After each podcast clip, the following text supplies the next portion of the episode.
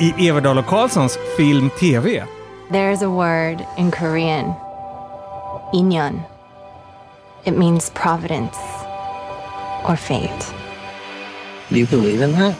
Romantik, längtan, långa tystnader i förhandshyllade past lives. Lucinda, we need to go. What's happening? Come on, we need to go now. No, but I, I, I can't leave her. Lucinda, we need to go now. I can't wait. Wait for the police. You know we have to. Don't go in there. Lucinda! Sluta stressa! Svettig spänning i brittiska thrillerserien Malpractice. Dessutom tillbakalutad rock. Ernst Lubitsch under lupp. Plus en diskret imitation av Marit Paulsen. I podden som är din enda vän i film och streamingdjungeln. Hej och välkomna till det första riktiga höstavsnittet av Everdahl och Karlssons Film TV i år, 2023. Fast det känns inte riktigt som höst för oss, vilket är så här, ska jag ens berätta det? Därför att det känns som att man bara gottar sig. Vi ska ju till Grekland, alla tre, nästa vecka. Ja. Podden goes to Greece.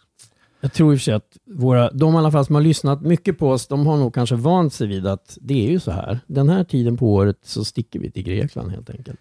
flyttfåglar. Vi är i alla fall pålitliga på den fronten. Men sen så väntar ju resten av hösten och då ska vi påminna om någonting som vi pratade om redan förra veckan, men alla kanske inte hörde det eftersom det var reprisavsnitt.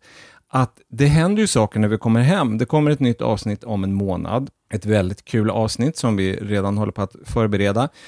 Men sen så kommer ett avsnitt till i stort sett samtidigt. För att tanken är ju att vi ska öka takten, alltså vi ska börja komma med en podd varannan vecka. Och då är det meningen att varannan blir ett sånt avsnitt ni hör nu, alltså ett helt vanligt gratis som alla kan lyssna på en gång i månaden. Men sen så ska vartannat bli eh, prenumererade avsnitt, så att man kan gå in och backa oss på Patreon. Och sen ska jag bara tala om, för det är faktiskt inte alla som vet, att Patreon är en slags service som Paypal eller någonting, eller nästan, alltså man kan betala in pengar där till stackare, till löst folk som försörjer sig på att göra saker på nätet. Vi är lite grann i planeringsfasen, men eh, vi kommer gissningsvis lägga upp det här som en sorts prenumeration. For you special price. Japp. Och då blir det så att de här extra avsnitten kommer inte riktigt att se ut som de vanliga. I det första så kommer vi nog vara med alla tre, men sen så blir det förmodligen för det mesta så att det bara är Göran och jag. Vi kommer att köra lite friare, kanske ha något tema, vad har vi sett? Eh, vi får se lite grann. Framtiden får utvisa. Jag tror att det är en sån där sak som löser sig. Att vi, vi hittar en form för det. Men det ska bli väldigt kul att göra det och jag gläder mig. Och nu ska jag återigen, bara därför att det är så roligt att se Segers reaktion, säga att min dröm är att vi ska kunna göra det en gång i veckan. Det är väl kul. Din dröm är min mardröm. Ja. Och för filmen Mardrömmen, vilken var det? Oj, vilken Det är är väl inte det en Clint Eastwood-film? Ja, det är precis Är vad det det är. Play Misty for Me? Ja, Jaha, det är den. Ja, Nej, men jag är inte säker. jo, men det, det är precis vad det är. Herregud, jag har ett filmlexikon inne i hjärnan. Ja. Ja, för det där är ett exempel på att Play Misty for Me tycker jag är en fantastiskt bra titel Mm. på en film. Men i alla fall 1970, eller när det var den kom, det var den vevan, så var det för konstigt, så den fick heta Mardrömmen. Och detta bara därför att din mardröm är att vi publicerar oss, eller att det här programmet kommer en gång i veckan. Vi får se, det ligger långt in i framtiden i så fall. Men man kan ju alltid hoppas. Nu är det dags att prata film.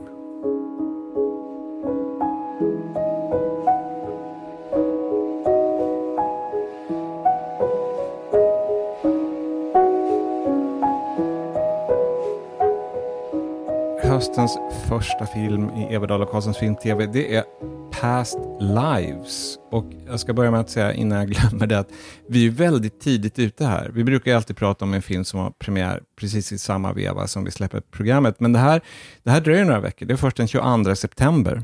Så att vi är tidigt ute. Och Past Lives är en film av en kvinna som heter Celine Song. Och den är så hyllad på festivaler och av kritiker. Det här är verkligen en Critics Darling, så att man hade lite förväntningar när man satte sig i biosalongen den här gången. Och Past Lives är en kärlekshistoria. Den utspelar sig i Korea och USA i olika tidsplan, men det är inte, det är inte Oppenheimer. Det är inte så att de liksom kör det i mixer, utan det, det berättas kronologiskt. För mig, ni får se om ni håller med, jag tycker att det finns paralleller med några sådana här klassiska romantiska filmer som Kort möte och Sömnlös i Seattle. Även sådär lite, ja, Eternal Sunshine of the Spotless Mind. Ja, Som, som, som nämns i filmen dessutom för att hon gillar den. Absolut. Sen är jag lite, jag måste se om den. Jag gillade ju inte den alls när den Nej, kom. just det. Jag sa inte det här för att reta dig, för jag gillade ju den. Men, men nu kommer jag, tror ihåg det. det. Du kanske inte gjorde det medvetet, men det fanns, Ja, mitt underjag. det, det fanns en liten djävul där som... Uh. Ja. Jo, nej, men allvarligt talat så har jag tänkt att jag borde se om den. För jag tror att jag skulle tycka bättre om den nu än vad jag gjorde då. Vad säger du Johan? Jo, men jag håller absolut med om att den här påminner om en hel del andra filmer. Alltså jag tänkte som den första du nämnde, Kort möte, var en film som jag direkt tänkte på. Och Sen finns det den här serien med filmer där är det Julie Delpy och Ethan Hawke eh, håller kontakten med varandra. Och Det finns ju klara likheter med de filmerna också skulle jag säga. Just det. De heter väl vad det Before Sunset, After Sunset eller något så. Jag minns Ja. inte alla tre Ja. titlarna. Och vad man kan Ja. ana av alla de här parallellerna, ifall man har sett en eller flera av filmerna som vi nämner titlarna på, så är att det generella ämnet här, förutom romantik och kärlek, eh, den här stora frågan, finns ödet? Är man bestämd till en särskild person? Eller är man bara skepp som möts i natten? Och i det här fallet så är huvudpersonen Nora, det är hennes amerikanska eller engelska namn i alla fall. Och hon emigrerar från Sydkorea som barn, hon är typ 10-12 år gammal. Där lämnar hon efter sig, eller hon lämnar kvar sin vän, sin killkompis, Hai Sung. Men det är liksom, det är ju mer än en kompis, alltså de har någon slags kärlekshistoria, fast de, är i och barn. I och med att de är så unga, så, men det är ju verkligen så. De har ju någonting. Så. De har en riktig kontakt. Mm. Och de sörjer båda att de förlorar den här kontakten, samtidigt som Nora är ju väldigt framåt. Det är inte så att hon inte vill emigrera. Och åren går, 12 år närmare bestämt, och sen kontaktar han henne igen och eh, det går ytterligare en period. De blir vuxna, de är i 30-årsåldern och han besöker New York där hon bor och kontaktar henne. Och det finns ju någonting där fortfarande. Men vid det här laget så är Nora gift och hennes man Arthur ställer sig lite undrande. Is he attractive? I think so. He's really masculine in this way that I think is so Korean. Are you attracted to him?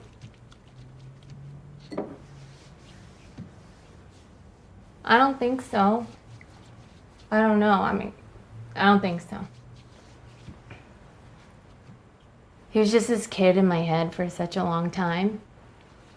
And then he was just this image on my laptop. And now he is a physical person. It's really intense, but I don't think that that's attraction. I think I just missed him a lot. Jag kan förstå Arthurs lite grann undran här, därför att det är helt tydligt att hon går och drömmer lite grann om den här mannen, som egentligen även för henne är ett minne av en pojke. Och frågan är ju då, är de kära? Ska det bli något? Är det för sent? Det gör ju också att när då de väl ska ses alla tre, alltså Arthur, Haizung och Nora första gången, så då är man, alltså jag är lite nervös själv då. man lever sig med i den här filmen. Där kan man ju också, ja men å, återigen, nu bara bollar vi titlar ändlöst, men Falling in Love, alltså, när det, är de här, det här är ju en väldigt liten historia. Det är en berättelse om de här två personerna och den tredje då. Och det är bara de som existerar i hela världen nästan. Det är väldigt få andra som har repliker och det är definitivt ingen annan som har någon större betydelse för handlingen. Så att det gör att allting blir så stort. Allting blir liksom så betydelsefullt. Och, och det är häftigt med den här typen av berättelser. Alltså man kan väl tillägga också att en anledning till att mannen hon är gift med känner sig lite bekymrad alltså de är ju ett par och de är kära i varandra. Men det framgår ju ändå, eller de säger det till och med rakt ut, att en stark anledning att, att de gift sig snabbare än de egentligen hade tänkt är att hon ska få arbetstillstånd i USA. Alltså hon emigrerade till Kanada från Korea. Och de har samma jobb och det finns något, det är ju inte ett resonemangsäktenskap, det är som du säger, de är kära och samtidigt så finns det ju någonting väldigt praktiskt. Ja, så, så är det verkligen. En grej som jag bara vill peta in nu också, som vi inte har sagt, det är ju att eftersom den här har blivit så enormt hyllad och uppmärksammad, det är rätt häftigt, det är ju alltså en debutfilm av Celine Song.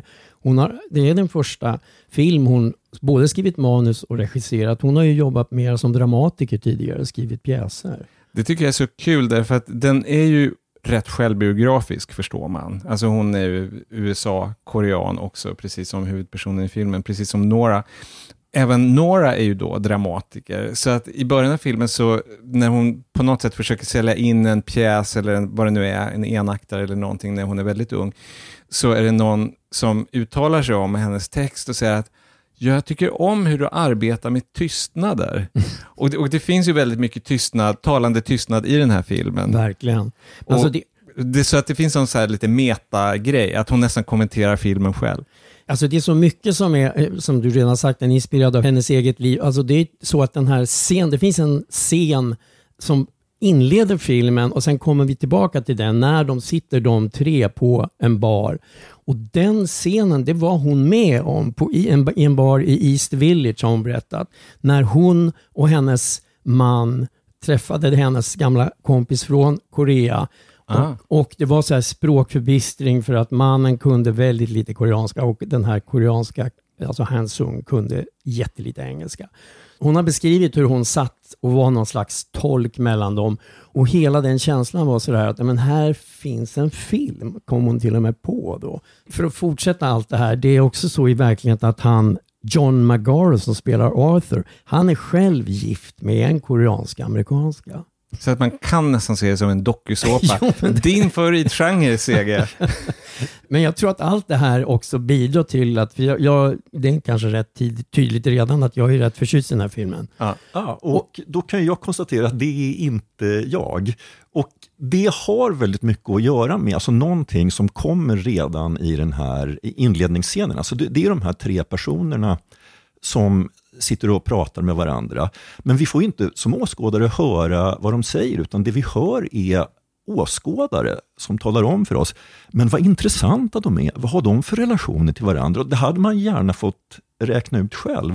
Jag tycker så här fortsätter hela den här filmen. Att jag får ibland intryck av att jag tittar på en DVD med ett kommentarspår. Att så fort någonting händer så är det någon som talar om för mig, nu händer det här och nu händer det här och så ska du känna här. Och jag blir till slut galen på det här. Det här är så kul för Johan, när han säger allt det här så sitter han bara och tittar på mig väldigt intensivt Ja. för, att, för att vi tycker så enormt olika Jo, men då det förstod filmen. jag redan direkt efter visningen. Ja, men det förstod även jag att vi Ja. gjorde. Ja, ja, ja, I played it cool. Ja. Men bara för att släppa på spänningen, jag håller ju mycket mer med CG i det här fallet. Ja, jag, det gör väl 90% av alla som har yttrat sig om den här filmen, vad jag förstår. Ja, men du är en sån hårding. Plus att du, i det här fallet så tror jag att du helt enkelt är smartare än vad jag är, därför att jag förstod inte alls.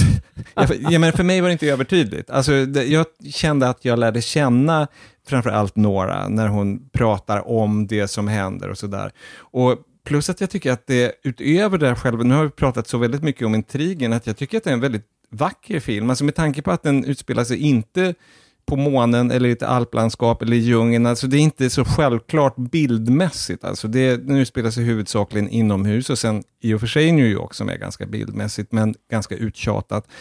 Och hon lyckas berätta det här med någon slags skönhet och vemod i bildspråket. Det, vid något tillfälle i filmen så regnar det. Han har otur med vädret, Hai Sung, när han besöker New York, så att då regnar det.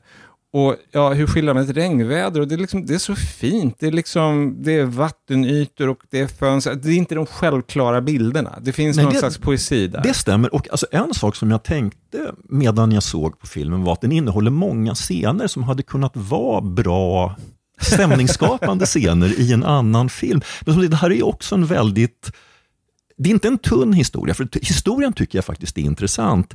Men det är en väldigt liten historia och jag får också en väldigt, väldigt stark känsla av att man ofta helt enkelt bara fyller ut tid med de här liksom vackra stadsbilderna. Förlåt, jag blir så full. Det är så kul när man faktiskt nästan älskar en film och så hör man en kompis sitter bredvid och bara säger sånt där som man känner, bara, men herregud, har vi sett samma film? Och det har vi ju, Ja. märkligt nog. Jag tycker också om det, alltså stämningar, det finns en rytm i filmen. Det finns liksom ljudet. Och, och det här som vi har varit inne på, de här tystnaderna. Och när Johan och jag anade utanför biografen, det var faktiskt att Första gången smockan var i luften. Ja. Ja, men det var för att det var någonting om just, det är ganska sent så är det en väldigt utdragen tyst scen. När de bara tittar på varandra. Och där så känner jag just, den är väldigt utdragen och jag är extremt berörd av den scenen. Alltså så fångad, jag liksom fångar av laddningen och liksom bara hållningen på deras kroppar. Alltså det är så mycket så här. Den är ju ganska nära slutet och sen när vi står utanför biografen Victoria så säger du någonting om det här med tystnad och jag förstår att det har att göra med den där scenen och jag bara känner direkt oj, oj, oj, oj vad den har fungerat olika på oss Ja, två. men jag kan till och med beskriva scenen. Och det, som men du alltså, säger, du får vara lite- du ja, får ja, exakt. Nej, nej. Eh, Men den kommer ju ändå så pass långt in i filmen att man har så att säga vant sig vid hur den är berättad. Och då är det så att det är två av huvudpersonerna då. Nora och Kai Sung står och väntar på en taxi, eller för att vara helt exakt, en Uber. Och då säger den ena till den andra att när kommer din Uber? Och då säger den andra om två minuter. Och så blir de helt tysta. Och i och med att jag har ju sett, liksom, du vet, men åh nej, nu kommer de stå tysta i två minuter och det är väldigt lång tid förbi och det är exakt vad som händer. Och det börjar liksom krypa i skinnet på mig när jag ser Men det du här. satt du med tiddagar Jag, kom- men alltså, det, det kan ju varit 1.30 eller någonting, men alltså det, det, var, det var nästan outhärdligt. Alltså, det, om jag hade vetat det hade jag nästan gått fram till dig och föreslagit, ska du inte bara gå ut ur biografen så släpper du det här. Alltså jag tar ju mitt uppdrag på allvar. Men jag kan nog faktiskt säga att det är mö- alltså, om det här hade varit en film som jag sett hemma så är jag faktiskt, jag undrar om jag hade sett klart den. Du kanske hade snabbspolat. Ja, det brukar jag sällan göra, utan jag be- bestämmer mig för an- antingen så ser jag klart något eller inte. Och den här, det här hade nog stått och vägt.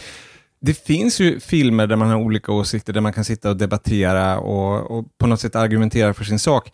Men i det här fallet så handlar det så väldigt mycket om känslor. Alltså antingen blir man gripen eller inte. Ja. Och du blev inte gripen, så, så tolkar jag dig. Jag. Nej, så, tolk- så, så är det. Däremot kan jag säga att jag, jag är glad över att det har gått ett tag. Vi såg i filmen, det är lite mer än en, en vecka sedan. Och jag, alltså jag låter ju säkert jättenegativ nu, men jag är mycket mindre negativ. Alltså för att di- direkt... Det här är Johan på gott humör. Ja, men alltså jag gick ju ut från filmen verkligen i ett moln av irritation. Alltså varför har jag suttit igenom det här?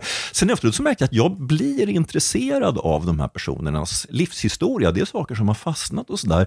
Men som sagt, det, det är hur det berättas som fortfarande alltså stör mig väldigt Men din, mycket. din invändning är att det är för långsamt. Jag, Alltså, för det är inte bara det att det är för långsamt. För jag, jag tänkte på, men är det det? För att nu har vi jämfört med så många andra filmer, men en av mina favoritfilmer från i år är den här After Sun, som också är en berättelse väldigt mycket i stämningar, väldigt lite yttre handling, men där, som absolut inte berättas med den här liksom peka med hela handen, utan där är jag liksom hela tiden med som åskådare och får dra egna slutsatser och jag får möjlighet att tolka saker.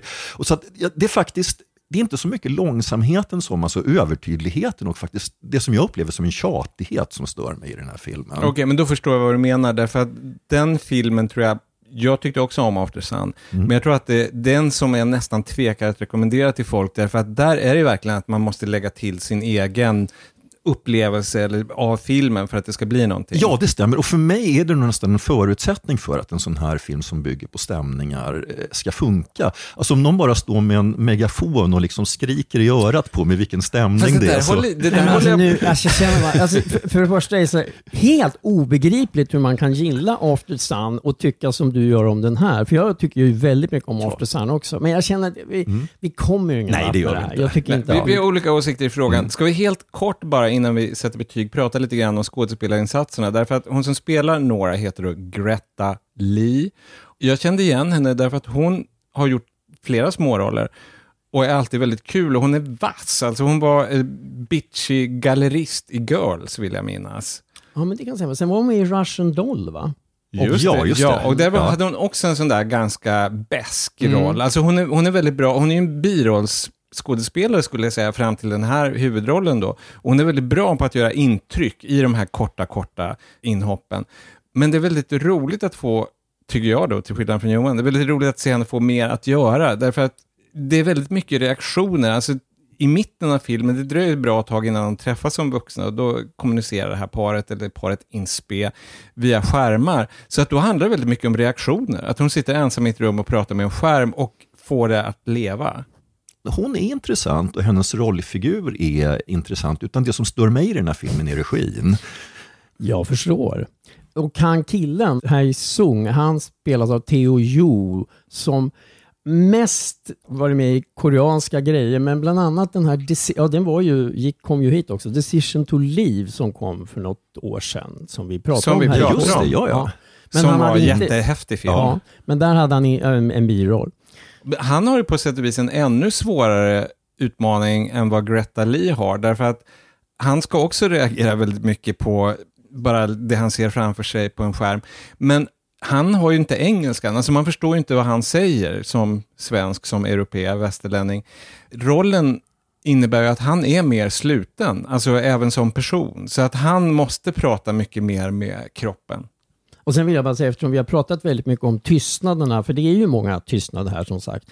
Men jag tycker dessutom att den dialog som finns är väldigt liksom, välskriven och subtil. Sen vet jag att det sitter någon bredvid och tycker att det är en megafon i filmen som jag aldrig upptäckte. Men jag, eh, jag tycker det finns jättemånga fina repliker här. Alltså. Mm, Men Sigge, när du säger att dialogen är subtil, alltså jag kan då ta en annan scen som störde mig väldigt mycket och det är då när koreanska tjejen och hennes man, de pratar med varandra inför då koreanske killens besök. Och då beskriver hon exakt allt vi redan har sett i filmen och han svarar Åh, vilken intressant historia!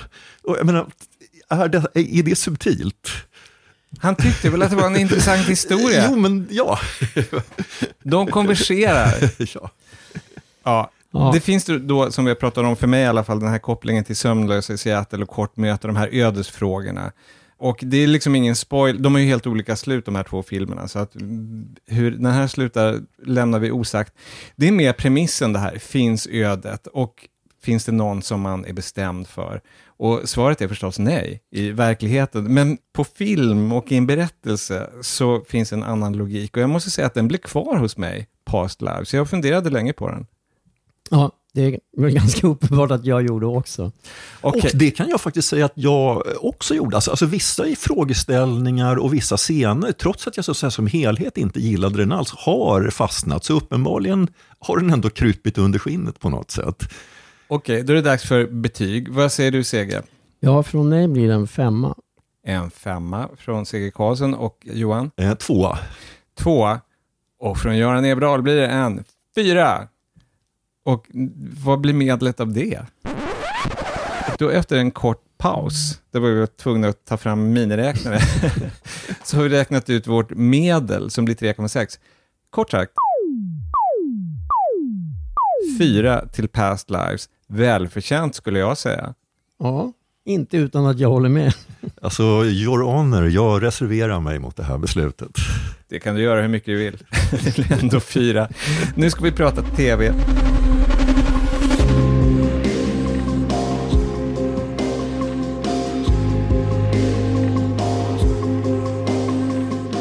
Tv-serien, streamingserien, som jag redan nu ska säga så att jag inte glömmer bort det, den ligger på SVT Play. Den heter Malpractice och det betyder felbehandling. Ja, alltså ungefär. Ungefär. Det förekommer en del felbehandling i serien kan jag säga. Det, det finns i titeln så att det är ingen spoiler. Och av detta anar man att det här är en dramaserie i sjukhusmiljö. Eller jag skulle nästan säga en thrillermelodram. Ja, precis, för att när man börjar se serien, då kan man ju nästan få intryck att det är någonting i stil med ett sånt sjukhusdrama som eh, This is going to hurt. Men så visar det ju så, som du säger, det här är ingen spoiler för det blir så väldigt snabbt, att det här är väl närmast en sorts konspirationsthriller fast i sjukhusmiljö. Och det är väldigt, det är ganska högt tempo, det händer saker hela tiden. Det blir en och annan kris, det är cliffhangers förekommer i den här serien. Och man känner igen den här stilen att berätta. Jag tycker att det pratas väldigt mycket om skandinoir. Men jag tycker att i skuggan av det så har det växt fram en genre som inte riktigt har något namn. Man kan kalla det för brittspänning eller någonting. Slags svett riktiga thrillers som just brittisk tv specialiserar sig på. Line of Duty och... Ja, det- är väl delvis tror jag, samma producenter som ligger bakom den här som Line of Duty. Och det finns ju klara likheter. Alltså det är en väldigt liksom väldefinierad yrkesmiljö. Och det är ju till och med här en internutredning, precis det som Line of Duty i stort sett alltid handlar om. Och som Vigil, ubåtsserien var ju precis samma sak. En Ja. begränsad arbetsmiljö och någon som kommer utifrån och ska se om det är något fuffens. Bodyguard passar inte in i precis varenda grej, men det är också samma människor som har gjort, som var Och då menar spännande. du inte filmen med Kevin Costner och Whitney Houston? Det är inte I shall always love you, nej, nej, nej, Nej. nej. utan jag menar Bodyguard, yes mom, I will always love you. I will. Det var bra. Tack att du korrigerade mig så slipper lyssnarna göra det. I alla fall, ytterligare en serie i den här Brit-spänning-genren, om man kan kalla det för det, i sjukhusmiljö. Och vår huvudperson är Dr. Lucinda Edwards. Hon spelas av en kvinna som heter Niam Algar, som jag tror är ett walesiskt, eller i alla fall keltiskt namn. Och Dr. Lucinda, hon är rätt komplicerad, vilket vi återkommer till. Vi ska höra en scen precis i början där hon försöker rädda en ung kvinna till livet. Den här kvinnan har tagit en överdos. Jobbigt. Det kommer ett larm om en ny akutpatient som är skottskadad. This is 23-year-old Edith Owusu, found unconscious at home following an accidental opioid overdose. Is anyone with her? No, but we found needles and drug paraphernalia beside her. We gave two doses of 400 micrograms of naloxone IM, and she's responding well. Thank you. Okay, Edith, darling, can you hear me? I'm Dr. Lucinda Edwards. I'm going to be looking after you, okay? Can you tell me what it is that you've taken?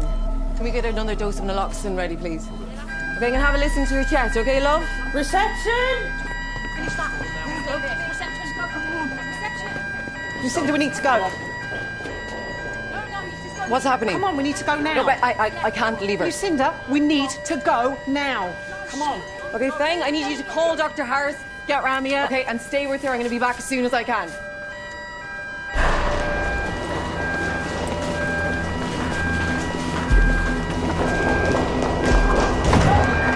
What's happened to the police? Wait, you what, you- what's happened? Here, what's happened? We need to wait for the police. I can't wait. We need to wait for the police. You know we have to. Don't go in there. Lucinda! What are you doing? Den här situationen slutar inte så bra, så ansvarsnämnden kallar in och då blir det den här internutredningen som du pratade om Johan. Man ska se vem bär ansvar för vad som har hänt och vad ska påföljderna eventuellt bli. En undersökning. Och då blir det ju också jobbigt, som vi hör i den här scenen. During the pandemic, you took some time off for stress. Uh, yeah.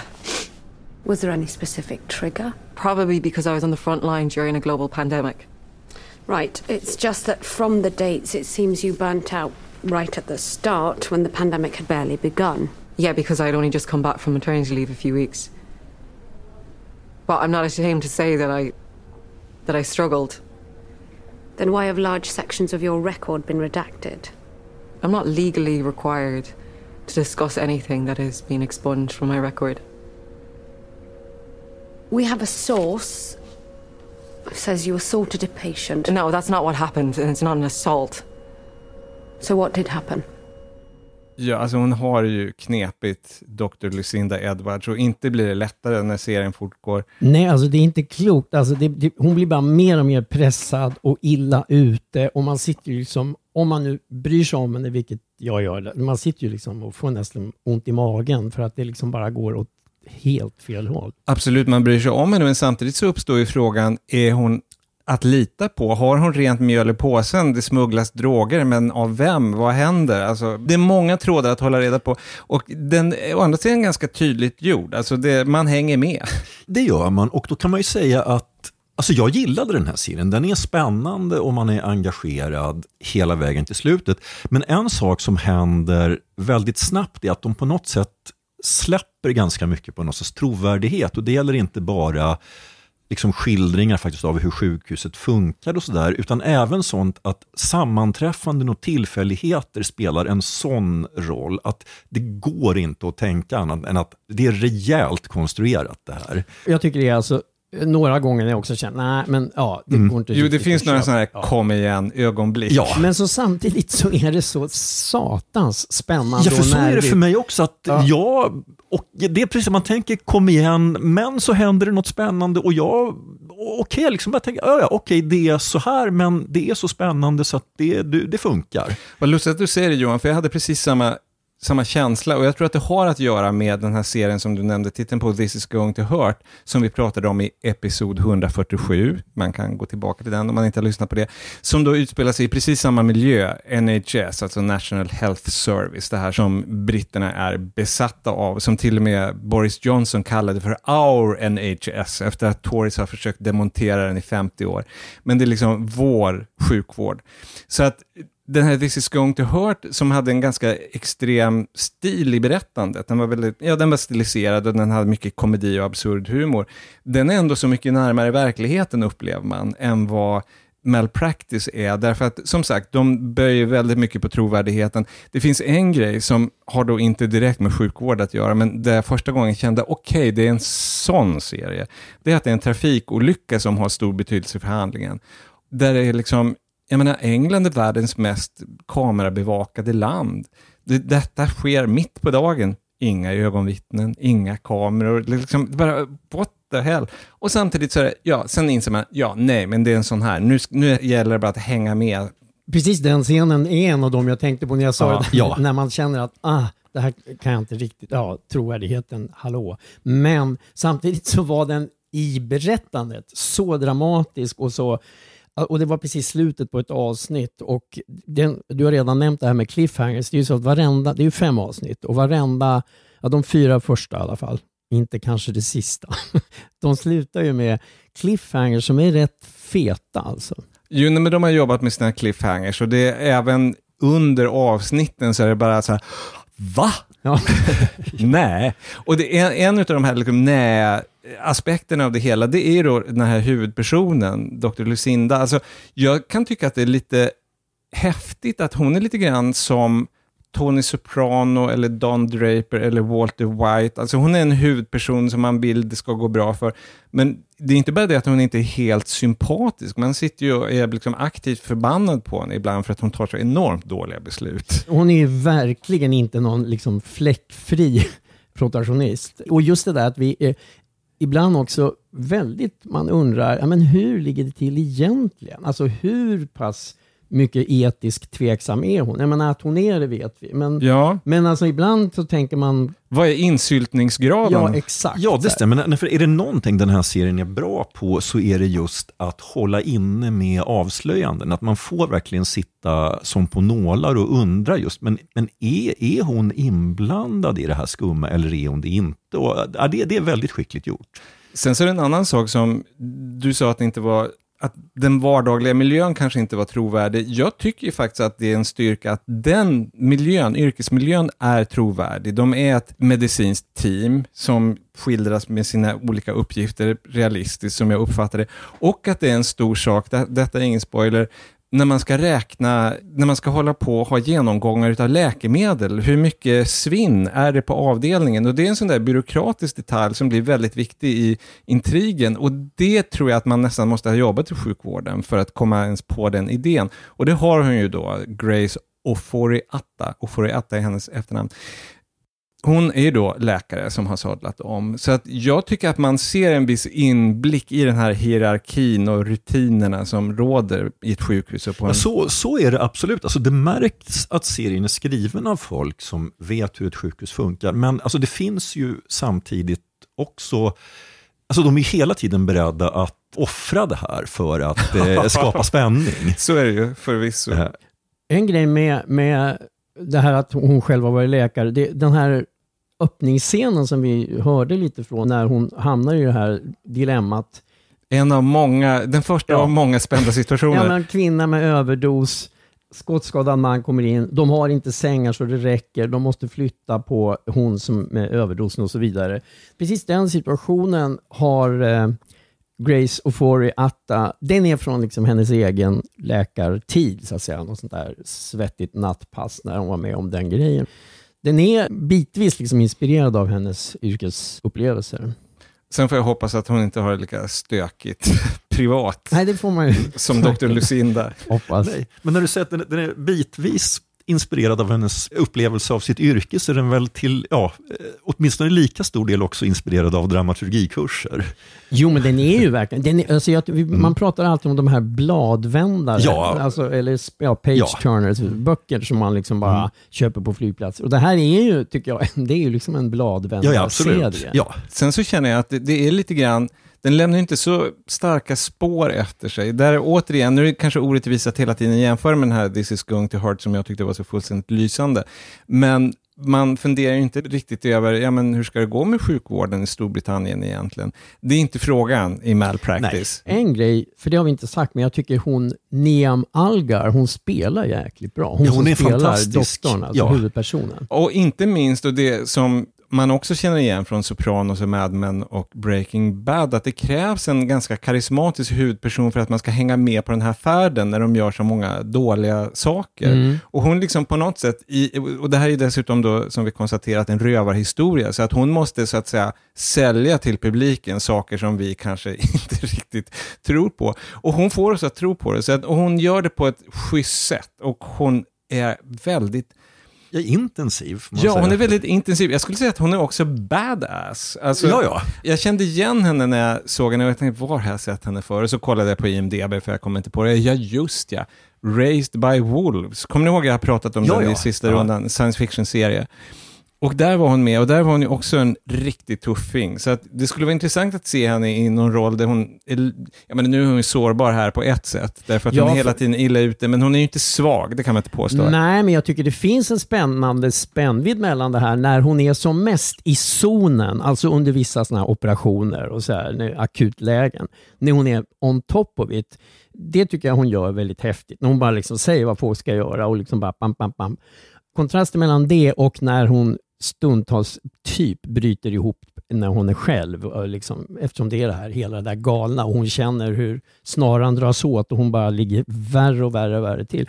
Det finns ändå en spännvidd där i hennes spel. Och alltså när vi säger det här om, vi helt enkelt beskriver hur bra hon är, för att det här är ju en historia med väldigt många rollfigurer, men det är verkligen inte en kollektivhistoria, utan allt hänger ju på henne. Hon är hela tiden i centrum och om hon inte hade varit så bra så skulle det här bara ha fallit ihop. Det står och faller med henne. Ja. Mm. Det vi har pratat om är alltså Malpractice, spänning, som ligger på SVT Play. Och nu är det dags för sista rundan.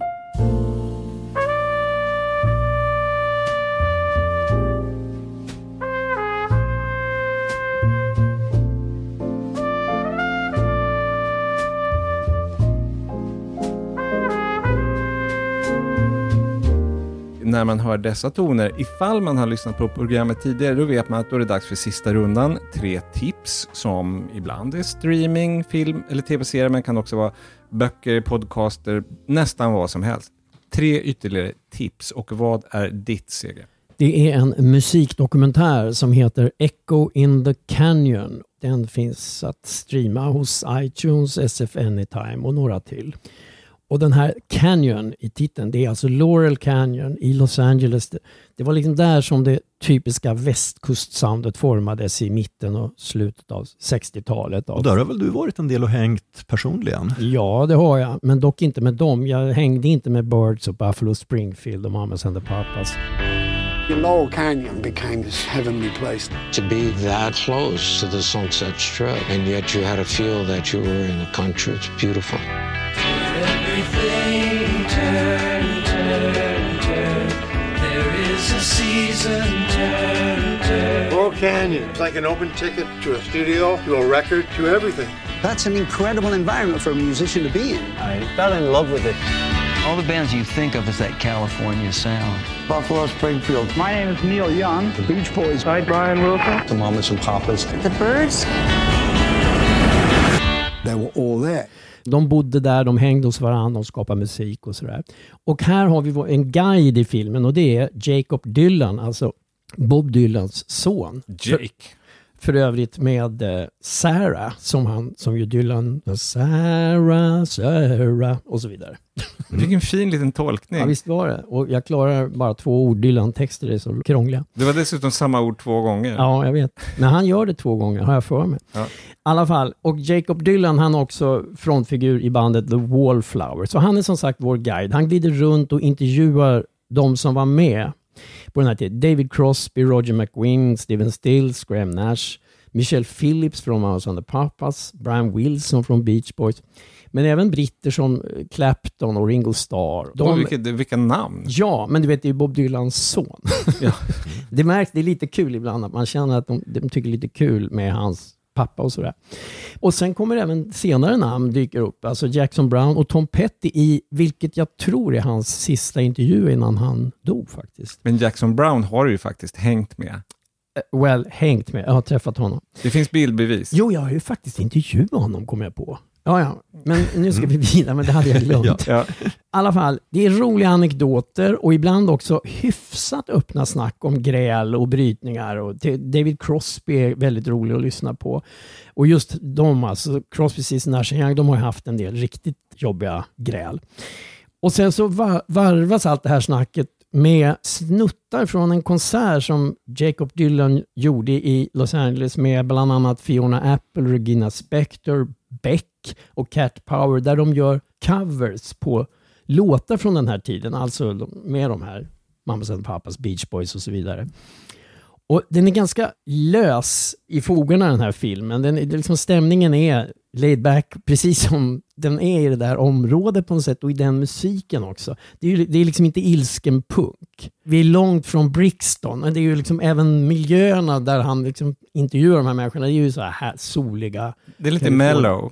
Och sen finns det en grej som fick mig att tänka på dig Johan, för att just bara för stämningen kan, har han klippt in också snuttar från en Jacques Demy-film. Ja, vad kul. Som- Jag tror jag vet vilken. Ja, du får ju säga. Alltså jag, jag minns tyvärr inte titeln, men den utspelar sig ju i Kalifornien. Ja, i Los Angeles 1969, Ja. Model Shop. Ja, det heter den. Ja, och ja. med Demis stamskådis Anouk är med. Bara för de som inte vet det, Jacques Demy är ju då regissören framför allt till paraplynet i Cherbourg som är en favorit för oss alla. Ja, men i det här fallet så är det ju då alltså, huvudpersonen från Lola va, som har hamnat i Kalifornien. Det är länge sedan jag såg filmen, men jag minns den rätt väl.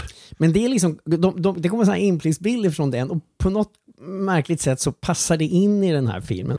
Den har en väldigt skön stämning och sen är det klart man måste vara lite nördig och inne på den här delen av pop och rockhistorien kanske. Men är man det så tycker jag att den är väldigt underhållande och det var, det var min kompis Ove som jag har nämnt ibland här. Det var han som tipsade mig om den och han och jag har faktiskt sett den två gånger tillsammans. Ska jag se den som inte riktigt har något så här aktivt förhållande till den här musiken? Är det kul även för mig? Gud vad svårt för att men så jag tror nästan ändå det. För det är de här anekdoterna och allting. Och, sen är det, och du behöver inte vara orolig för att den här konserten som är inslag från, det, det är inte särskilt långa bitar från den. För då vet jag att då, då tror jag du skulle kunna bli lite uttråkad. Ja, det skulle kunna hända. Sen så är det ju för sig, du, du klämmer bitar många av de Ja, här. jo då.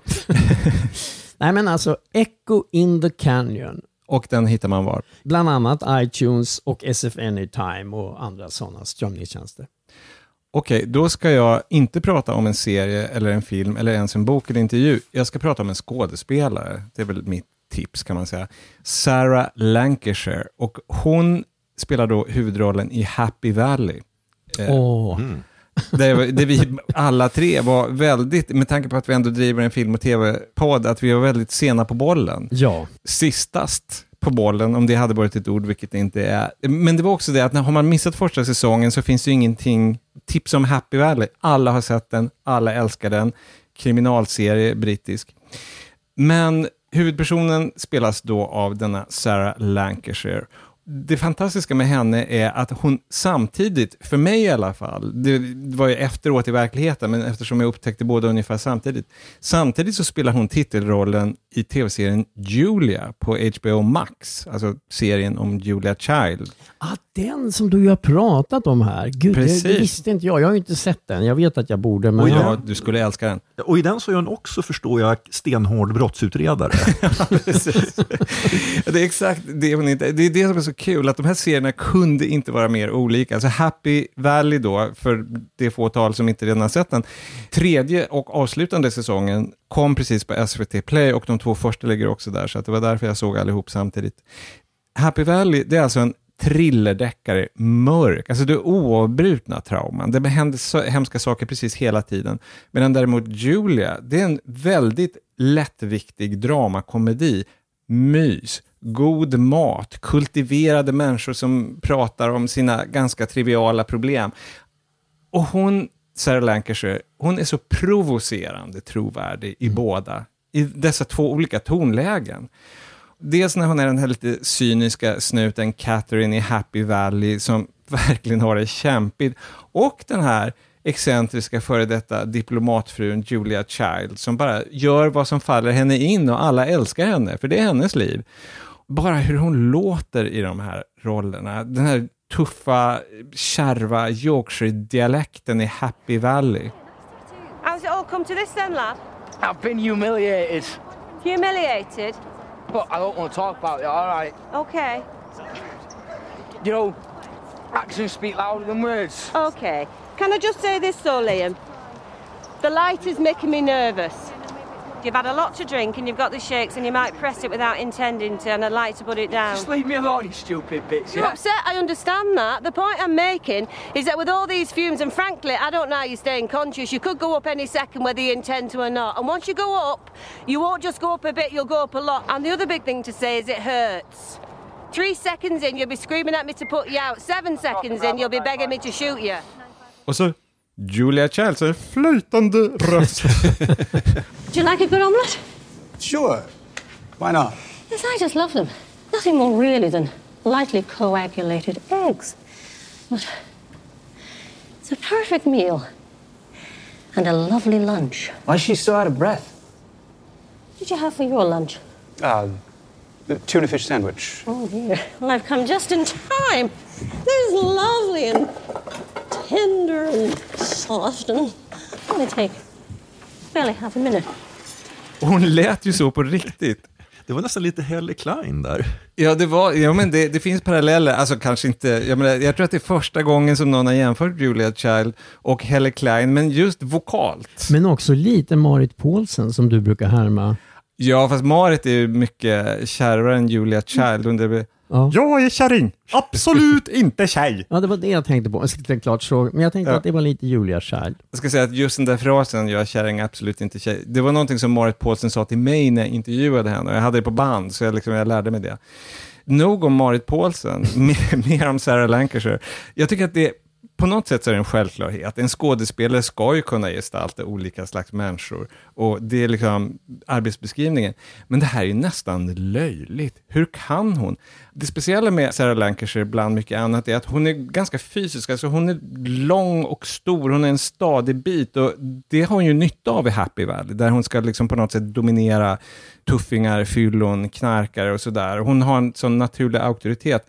Och så som Julia Child, just den här diplomatfrun som ska få alla att vara lugna och glada. Och hon liksom inte riktigt kryper ihop och gör sig liten, men hon förhåller sig helt annorlunda till att hon Även verklighetens Julia Child var väldigt lång, i likhet med dessutom Ria Wägner, vår svenska Julia Child. Just det, det var hon ja. Och det finns någonting, eh, hon klarar det här. Alltså hon är bara, det går inte att tro att det är samma människa. Så att se dem, se Happy Valley och se Julia Child, men var för sig, inte parallellt. Hur ska man? Jaha, jag trodde du menade att man ska alltså sitta med två skärmar, lite som jag gör ibland med sport om det är flera matcher. Då kan jag ha en match i datorn och en på tvn och så. Men det ska man så, ju inte göra. Så, så ska man absolut inte Nej. göra. Man ska inte ens så här se första säsongen av Happy Valley och sen gå över till Julia och sen tillbaka till Happy Valley. För det blir liksom för mycket. Det, man, man skulle nästan explodera. Det blir lite grann som att materia som vidrör antimateria. Vi vill inte ha Tunguska-katastrofen en gång till. alltså, Happy Valley på SVT Play, Julia på HBO Max. Johan? Jag ska tipsa om en podcast som heter How would Lubitsch do it? Och det här är ju Hur ett, skulle Lubitsch ha gjort? Och det här är ju ett citat. Alltså det här var någonting som regissören Billy Wilder, han hade det här på en skylt i sitt arbetsrum. För att när han liksom undrade att hur gör man det här på bästa sätt så var det hans fråga, men hur skulle Lubitsch ha gjort? Och jag kan ju säga här att ibland så funderar man ju på när man ska tipsa att är det här för smalt? För det här är ganska smalt. Men samtidigt så är det ju så att ska jag tipsa om någonting som jag liksom följer och verkligen är engagerad i just nu så är det det här att för mig är det åtminstone så att när jag lyssnar på filmpodcasts, jag brukar ofta vänta och kanske ta ett par avsnitt i stöten och sådär. Det är inte så att jag måste lyssna direkt. Men den här podden, num numera har jag till och med lärt mig vilka klockslag den läggs ut. Så jag gick igår eftermiddag och väntade på, det brukar vara tidig eftermiddag svensk tid, en kanadensisk podd. Och jag verkligen direkt liksom så, så går jag in och lyssnar. Har den liksom cliffhangers? Alltså den har ju det om man är enormt intresserad vad folk ska tycka om nästa stumfilm av Ernst Lubitsch från 1926, därför att det är där de är i podden just nu. Alltså upplägget för podden är mycket enkelt. Att de går helt enkelt igenom hela Ernst Lubitschs karriär film för film. Det är ett avsnitt för varje film. Sen finns det också specialavsnitt för att liksom sätta in honom i en historisk kontext. Så att podden börjar med ett ganska långt avsnitt om Weimar-Tyskland. Där han, han en, var en tysk regissör från början, som sätter in honom i hans historiska sammanhang. Babylon Berlin-Tyskland? Ja, precis. Och sen när han kommer till USA så finns det ytterligare ett specialavsnitt om det tidiga Hollywood. Alltså vad, vad, vart är det han kommer och varför är han så betydelsefull? Och ska man bara säga något kort om Lubers, alltså han, han, det finns ju ett par, några, egentligen, det är väl fyra filmer som väldigt många människor har sett och som är någon sorts självklara klassiker. Och det är väl Ninotchka, To be or not to be, alltså att vara eller icke vara. Eh, Den lilla butiken och sen Strangers in Paradise. Att de här fyra filmerna har ju väldigt många, åtminstone filmintresserade människor sett och de visas lite då och då. Eleganta komedier. Eleganta komedier.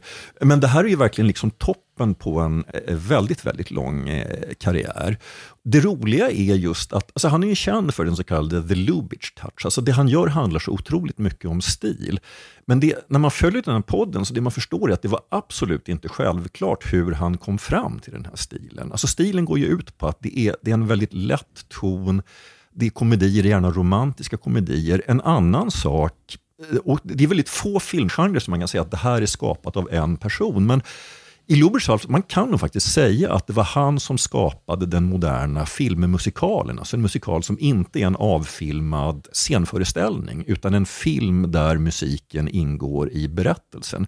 Och det här gjorde han med en serie med fyra filmer med Maurice Chevalier och Jeanette MacDonald alldeles i början på 30-talet. när Han, han var inte helt ny i Hollywood, för han kom till Hollywood redan under stumfilmstiden och utvecklar då den här komedistilen där. Dock inte musikalstilen nej. i stumfilm. Nej. nej, nej. Eh, däremot så gjorde han ju stumfilmer som, alltså man förstår att han verkligen längtar efter ljudet. För att hur mycket jag än tycker om hans stumfilmer, så i Lubitschs fall så är det verkligen så att ljudet, där händer det någonting. Alltså där tar han liksom ett, ett stort steg framåt. Men det är kul med Lubitsch därför att han är en sån där som hade en enorm status i sin egen tid. Alltså Ja. and, andra filmskapare dyrkade honom.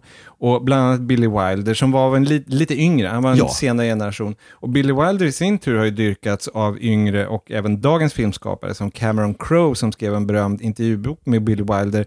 Där här Ernst Lubitsch liksom lanserade. Så mycket av intresset som finns för honom idag skulle jag säga är från Cameron Crowe via Billy Wilder. Ja, så är det ju. Och det, det är just en sak som gör det så roligt att lyssna på den här podden. För att Lubitsch är, jag ska inte säga bortglömd, men han är inte alls så central som han var en gång i tiden. Och den här podden den görs av, jag har förstått att han är ganska ung, jag har inte kollat exakt ålder, men det är en, en kanadensisk filmfotograf som heter Devon Scott. Och det som är kul med att Lubitsch är för honom en ganska ny upptäckt. Så det här är liksom ett projekt han har, att han ser igenom hela karriären. A thing happened to me that usually happens to men. You see, a man can meet two, three, or even four women and fall in love with all of them. And then, by a process of uh, interesting elimination, he's able to decide which one he prefers. But a woman must decide purely on instinct, guesswork, if she wants to be considered nice. Oh, it's quite all right for her to try on a hundred hats before she picks one out. Very But fine. Which chapeau do you want, madame? both. Welcome to season three of How Would Lubitsch Do It, a podcast in which we discuss the works of director Ernst Lubitsch, one film at a time. It's 1925, and Dave Kerr joins us to discuss Lady Windermere's Fan. Come visit Och i varje avsnitt, det är alltid han själv och så är det en inbjuden gäst. Och han börjar alltid med att fråga gästen två saker. För det första, beskriv vem du är. Och för det andra, varför har du tackat ja till att medverka i en obskyr kanadensisk podcast där vi ska prata om en 96 år gammal tysk film? Så det säger ganska mycket om tonen i podden. Johan, får jag fråga, du nämnde ju Maurice Chevalier och då blir jag så här lite, är det Lubitsch som har regisserat den här filmen där Maurice Chevalier sjunger Thank heaven for little girls who grew up in a most, A most delightful way. Ja, den det, så. det är en versrad som kanske inte är Nej så... men alltså, han, bara hur han ser ut och hur han sjunger, att det, det är liksom så här ultragubbig Det är vad kan man säga, den scen. stora filmen om grooming. Nej, det är inte Lubitsch, men det är en av Lubitschs stora efterföljare som musikalregissör, Vincent Minnelli.